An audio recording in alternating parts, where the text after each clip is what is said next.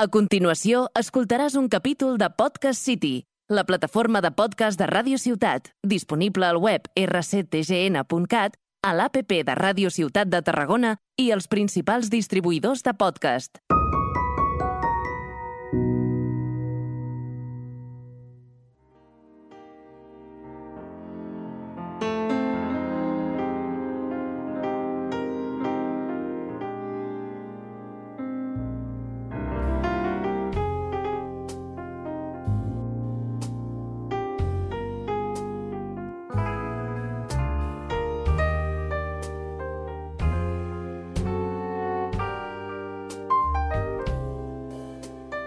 Amigos, bienvenidos al eh, tercer episodio ya de Plot It's Again, Serras. Eh, yo soy David Serra y a mi lado tengo a mi Ah, hermano Iván Iván, Serra. Iván Sí. Serra. ¿Qué tal, hermano? ¿Cómo va hoy? Bien, bien, como siempre. Yo te voy a empezar con energía, te veo pletórico.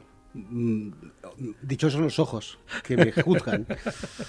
Tienes una energía particularmente eh, magnética, contagi- me estás contagiando Hombre. con tu energía. Pues, pues no te creas, ¿eh? Llevo, llevo una temporadita. eh, bueno, ya lo ves, o sea, me estoy dejando barba, pero no es que me esté dejando barba, es que me va creciendo. Sí, sí. Yo estoy por hacer uno- un canal de YouTube complementario. De hecho, mm, es uno de los planes. Aquí avanzo que, que tengo planes para este podcast. Pienso abrirte un canal de TikTok, abrirnos un canal de TikTok, un canal de YouTube y algunas cosas más para, para mostrarte al mundo y al universo eh, de una forma cariñosa Vale, y bailamos. mi hermano Sí. y bailamos juntos. Eso será próximamente. De hecho, mira, vamos a aprovechar eh, para hacer una pequeña introducción, porque claro, nosotros ahora ya estamos en un tercer programa. Poca broma. Hemos- estamos a punto de cruzar el Rubicón. Y nosotros decíamos que este programa, que venía a ser una charla entre hermanos, pero que mm, el mundo del guion, como guionistas, mm, era el background, ¿no? De fondo. Estamos en un permanente, vamos a decirlo así, eh, work in progress. Estamos buscando un formato, estamos pensando que crear una serie de secciones fijas que podrán ir evolucionando o no, o algunas morirán, otras se quedarán. Eso es como el Twitter de Elon Musk, que está en permanente evolución y cada día es una, un tour. No sé si estás al día, pero estar en Twitter ahora mismo es eh, como un gran prix. Yo lo veo como una llovizna de ideas. Sí, sí, es un Leve. brainstorming permanente. bueno, pues vamos a decir las cosas. Yo te voy a preguntar, bueno, vamos a preguntarnos mutuamente qué hemos hecho. Esto será una de las secciones ¿no? del, del futuro programa, o sea, ponernos al día, ya que en teoría somos guionistas, unos en barbecho y otros no. Eh, ¿Qué estamos haciendo? Para que la gente, pues aquella gente, aquel oyente eh, curioso pueda saber qué se está cociendo en el mundo de los hermanos Serra. Entonces, eh, hermano, yo eh, voy a introducir, con tu permiso, algunas de estas ideas que tenemos para estas secciones. En concreto, la- eh, evidentemente, preguntaríamos, haríamos la introducción de rigor y preguntaríamos qué estamos haciendo.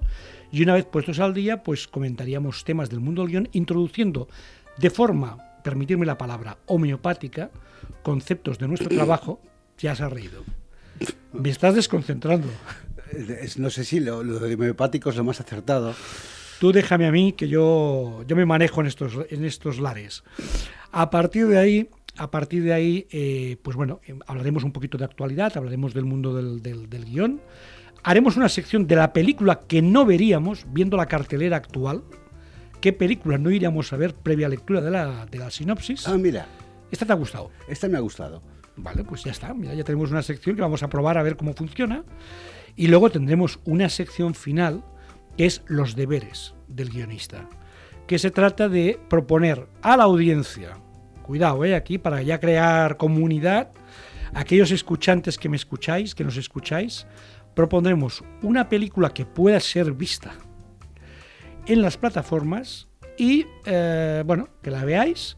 Y nosotros la semana siguiente, pues yo le preguntaré a mi hermano qué le ha parecido desde el punto de vista del análisis de guion, o de lo que sea, pero sobre todo desde el punto de vista de la narrativa, cómo ha visto esta película. Yo empezaré esta semana proponiéndola, ya la tengo guardada aquí en el, en el arsenal de películas, películas no necesariamente actuales, vamos a buscar cosas clásicas para, para educar a la audiencia y a nosotros mismos, ¿por qué no? Y nada, yo te pregunto, hermano, ¿qué tal ha ido tu semana? Pues un poco lo que te decía. Si ves mi barba, estoy en ese periodo necesario de- del oficio de guionista, que es el de bueno, uno, uno trabaja en un guion, mm, cree que, que por fin eh, lo ha conseguido, ya está, después de tres, seis meses de tu vida trabajando en una historia, y te mueres de ganas de que alguien por fin pues la lea. Y la, bueno, la mandas, la mandas a, a- a- las productoras, las mandas a las personas que, que te pueden ayudar a que eso se convierta en una película. Y entonces se establece, pues bueno, la gran nada, ¿no? Ese, es- ese espacio de espera interminable, eh, lleno de dudas, de incertidumbres. Y, y bueno, pues en eso estoy, esperando. Yo te veo como un náufrago directamente ahora mismo. Tienes Bueno. un aspecto que, de hecho, estoy por colgar la fotografía, estoy por haciendo una foto y decir, mi hermano el náufrago. Y serías creíble. Pareces salido directamente de la serie Perdidos. Bueno, yo, yo no sé si te acuerdas de la anécdota aquella de, de Orson Welles, creo que era en Cannes, que estaba el hombre desesperado diciendo que se pasaba un 90% de su tiempo intentando hacer una película y un 10% haciendo películas. Correcto, correcto. Y aquí podríamos introducir también eh, la anécdota de Guillermo del Toro, de reciente. ¿no? De Cuéntala, cuéntala. Bueno, él comentaba directamente pues la cantidad de, de historias no escritas, escritas, que están en un cajón guardadas, ¿no? cuando le preguntaban sobre su y que está ahí a la espera de que se cumplan y se conviertan en, en película, y que es un momento de, de, de harto incertidumbre, ¿no? De, de- Y las que casi se convierten y las que casi se convierten. en las montañas de la locura.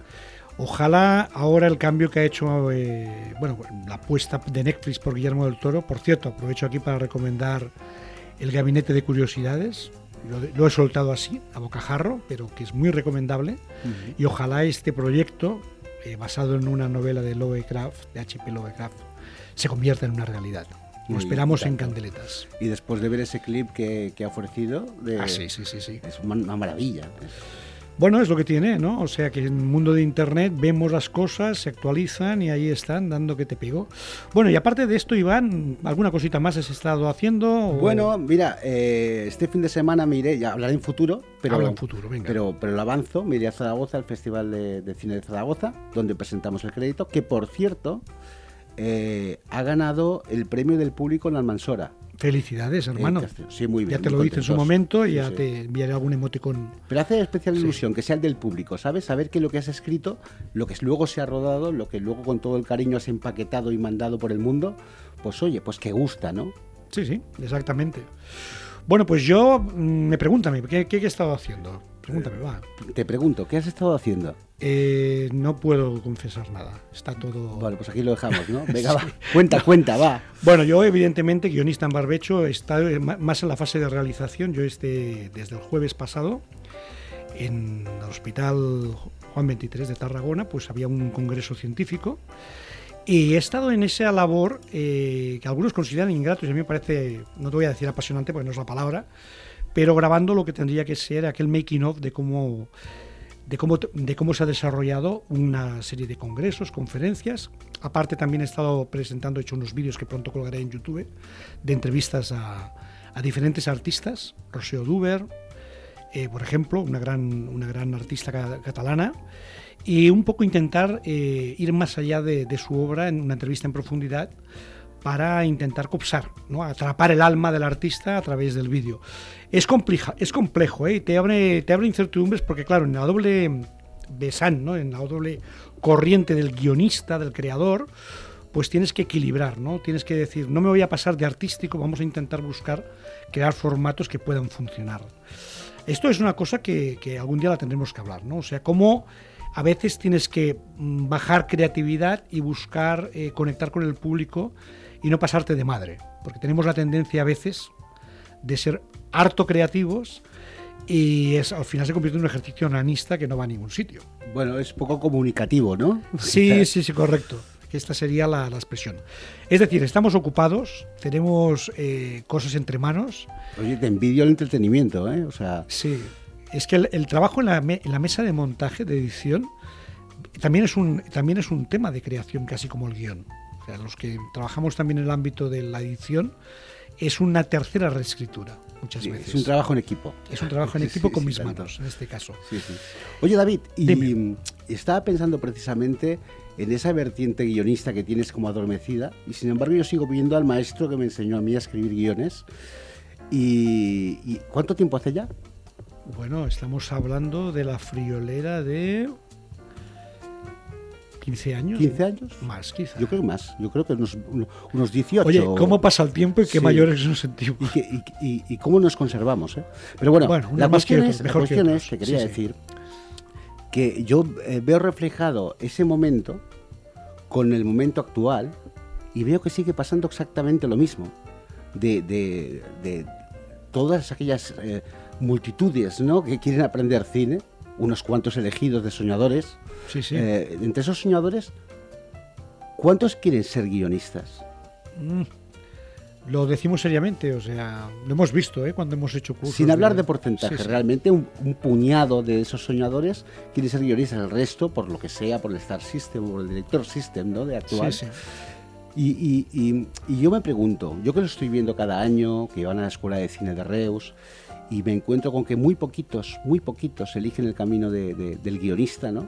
sí. Eh, ¿Tú crees que es posible enseñar a escribir guiones? O enseñar a escribir, básicamente. Bueno, esto es un tema es un tema para hacer una reflexión profunda y aquí podemos hacer hasta debate. Yo de todas yo creo que se puede enseñar eh, a manejar herramientas, se puede ayudar a, a que la gente canalice ¿no? lo que es esas emociones que te llevan a contar historias. Es evidente que hay una técnica y hay una manera profesional de trabajar, ¿no? Vamos a decirlo claramente. Por ejemplo, un conservatorio de música Claro, O soplar vídeo. o soplar vidrio, cualquier cosa, no sé, se puede, hay una técnica que te puede llevar a, a, bueno, a la maestría o a quedarte simplemente en un artesano o a ser un profesional solvente ¿no? del, del medio. ¿Se puede enseñar? Yo creo que se puede enseñar, yo creo que se puede enseñar. El tema del talento eh, es otro, eh, es, es- es- quizás es otro, otra reflexión que podríamos hacer, si tienes talento o no talento, pero yo creo que todo el mundo tiene cosas que contar Eso es así, sí. y se puede aprender a, a- a ofrecer una serie de herramientas para poder canalizar esas ideas y llevarlas a bueno a, a- cualquier puerto creativo que pueda ser una pintura, una fotografía, un relato, un guion, evidentemente, y se aprende.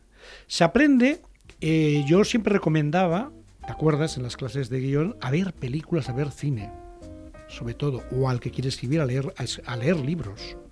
Es muy importante porque también es verdad que te viene mucha gente absolutamente ágrafa, que se hace complicado poder introducir algo. Dirías, no, es una mente virgen, pero hay que verlo como una posibilidad, ¿no? O sea, todo, está todo por hacer, ¿no? Es, puede ser hasta maravilloso.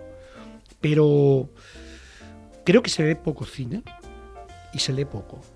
Y esto me arriesgo, me arriesgo yo mucho porque hay gente que, que lee mucho y que ve mucho cine, pero a veces te- yo he tenido la sensación agridulce, y probablemente es un problema mío, ¿eh? Ojo, yo en esto soy como muy, muy como subjetivo, pero falta cultura cinematográfica.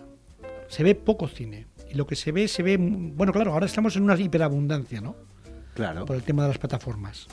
No sé si me he pasado, si tú esperabas una respuesta tan larga, No, pero no, claro, no, has yo, tocado yo te aquí el- escucho y me maravillo. pues sigo- Si Pero- quieres continúo yo solo. pero- y- No, no, pero estoy totalmente de acuerdo contigo en que, en que, en que son es, es un trabajo que se aprende, es un oficio, Es un oficio. es un oficio. Porque, a ver, guionistas se necesitan en todo. O sea, eh, estamos hablando de que hay, un, hay guionistas radiofónicos, hay guionistas eh, detrás de la televisión convencional, hay guionistas para programas de internet, hay guionistas de cómic, La vida es guion. La vida es guion. Eso, me encanta. Una buena conclusión.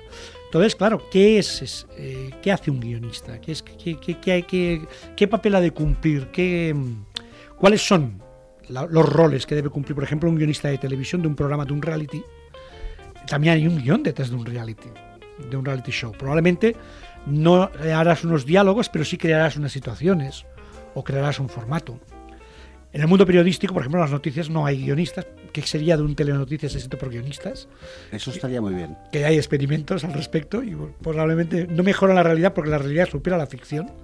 Pero claro, ahí estaría la diferencia entre un periodista, ¿no? que tiene que cumplir con una, y el, un guionista, que ha de hilvanar eh, historias, situaciones, crear relatos.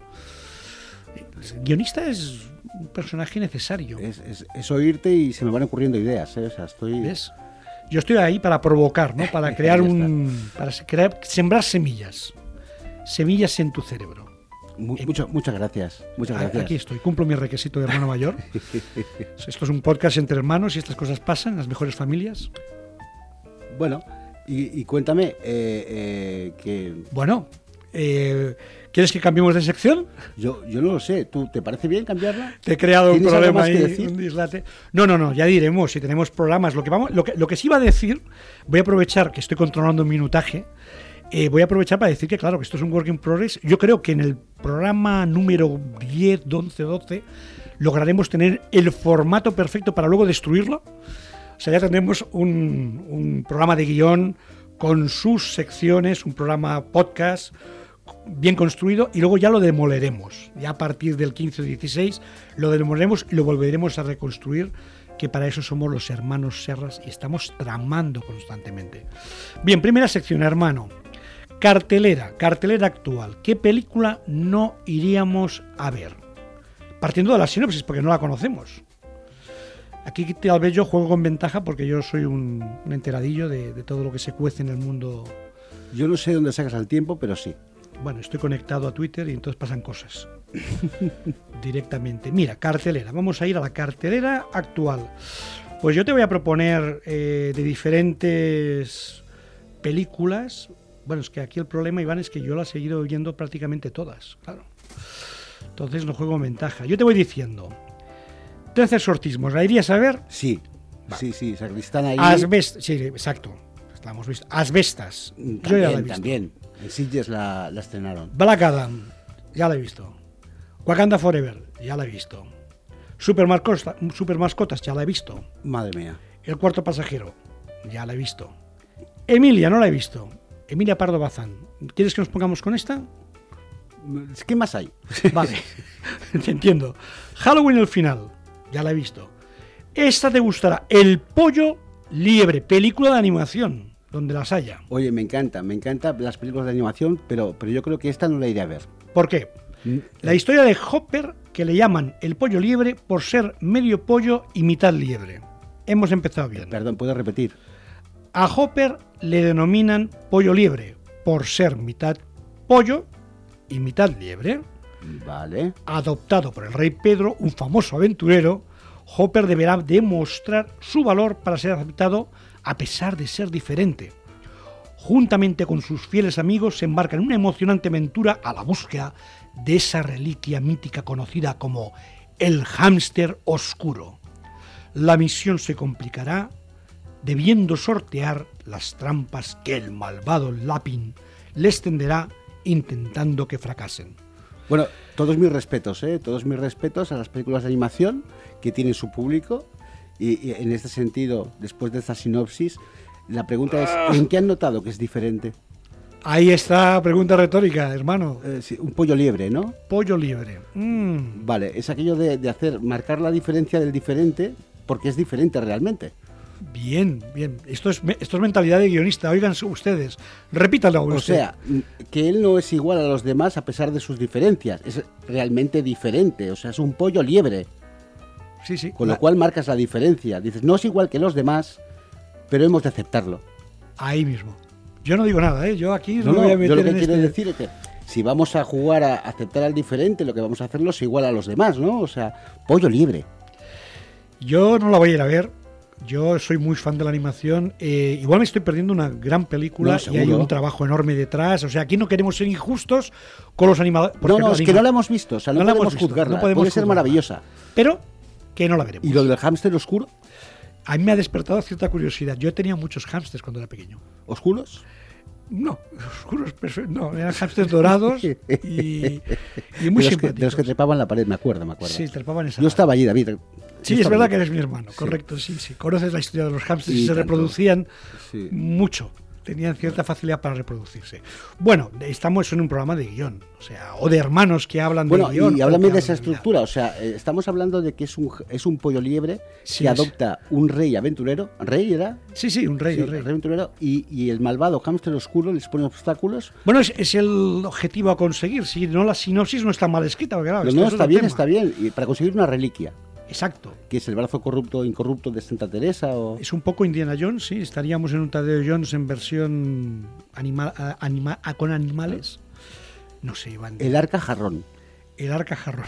que es una reliquia diferente también. También es verdad. Madre mía, qué jardín. Bueno, yo tengo una película para descartar de la cartelera que no la iré a ver. Hay muchas más, pero esto no dará juego. Este, Pues yo igual la voy a ver, ¿eh? Pues ya me explicarás. O sea, Yo dejo que vayas a ver la que hagas de conejillo de Indias. o conejillo o pollo. De o conejillo pollo Vale. de Indias. Bueno, hermano, no, no quiero seguir en este jardín porque me vienen Yo pensamientos. creo que, que esta sección, esta sección está muy bien porque Es peligrosa porque esta sección. Dispara mi imaginación. Es muy peligrosa esta sección. Pero bueno, yo te lo voy a poner muy fácil porque la otra sección, y aquí hablamos a la comunidad de oyentes o al oyente que nos sigue, yo sé que hay más de uno, ¿eh? Estoy tranquilo porque sé que hay dos oyentes por lo menos que me siguen y que me jalean en las redes sociales. A mí. Ah, Bien, bien. Me dicen que tú eres muy simpático. Eh, Muchas gracias. Tienes un hermano, eh, tienes un hermano, es importante, te Sí, conocen tú, y es, es muy majo. Y yo digo que sí, que es mi hermano Venga, guionista. lánzate con la sección. Bueno, te voy a ¿Qué nos proponer, mira, os voy a proponer, y además el otro día la vi, la volví a ver, una película que se titula Falsa Seducción. Escuchen bien, Falsa Seducción, que la tenéis en el catálogo de Amazon Prime, lo estoy poniendo fácil, porque van a ser películas que evidentemente se puedan ver, y es mi propuesta a la audiencia y a ti, mi hermano o hermano, para que hagamos un, bueno, para que la comentemos con esa brevedad que nos caracteriza la- en el próximo programa. Tienes un margen razonable, ya sabes que vamos de semana en semana, una semana sí, una semana no. Y esa película te diré que me hace mucha gracia porque es evidentemente de, de- de principios de los 90. Ujú. Una película eh, de uno de los alumnos aventajados de Roger Corman. Roger Corman era el mago del cine de serie B. De hecho, es un grande entre los grandes. Era el hombre que, y eso es, esto es anécdota real, era capaz de realizar una película en las esperas en los aeropuertos. Es decir, estaba con el equipo de rodaje en una, en una sala de un aeropuerto y dijo, equipo, vamos a hacer una película. Y entonces él aprovechaba el tiempo, rodaba con el equipo y amortizaba y a lo mejor le salían dos películas. No me digas. Roger Corman era el mago, al cual todos le deben, eh, bueno, bueno, desde Tarantino a cualquier director, Guillermo del Toro, es el auténtico director de cine fantástico, de cine policíaco, cine de acción, y yo, gente como Joe Dante y compañía surgen de su escuela magistral. Sé que en una de las cadenas, ya lo buscaré eh, y a lo mejor lo dejo en las redes, hay un documental sobre Roger Corman que no se pueden perder, donde habla de esa magia del cine de serie B y serie C y de serie Z, porque este hombre aprovechaba el dinero hasta la náusea, le importaba mucho el tema económico y era un mago a la hora de convertir en celuloide cualquier idea que se le ocurría. La película, como te decía, es falso, eh, falsa seducción de Lewis Collick. Este hizo la película, ganó, por la cual ganó un Oscar Jodie Foster en el año 91, creo recordar, que era Acusados. Esta le salió muy bien. ¿Es la de la violación en el billar? Digo, en el billar, en, el- en el- la máquina de Eh, pinball. es una sí, sí, sí, Acusados. Es una, es una película que hay que recomendar, además esta se puede ver también. Y esta película en concreto tenemos eh, a Ray Liotta, entre uno de los protagonistas que hace poco nos dejó. Sí. Y yo te la recomiendo. Está en, en Amazon Prime, no me dejes mal, míratela y prepárate para comentarla. Mm, Vale, eso haré. Pues dejo deberes y creo que por hoy nada más. Así que en este Work in Progress que es Plot It Again Serras, nos despedimos hasta el próximo programa. Hasta Gracias, el próximo programa. Gracias a todos. Gracias. Hasta pronto.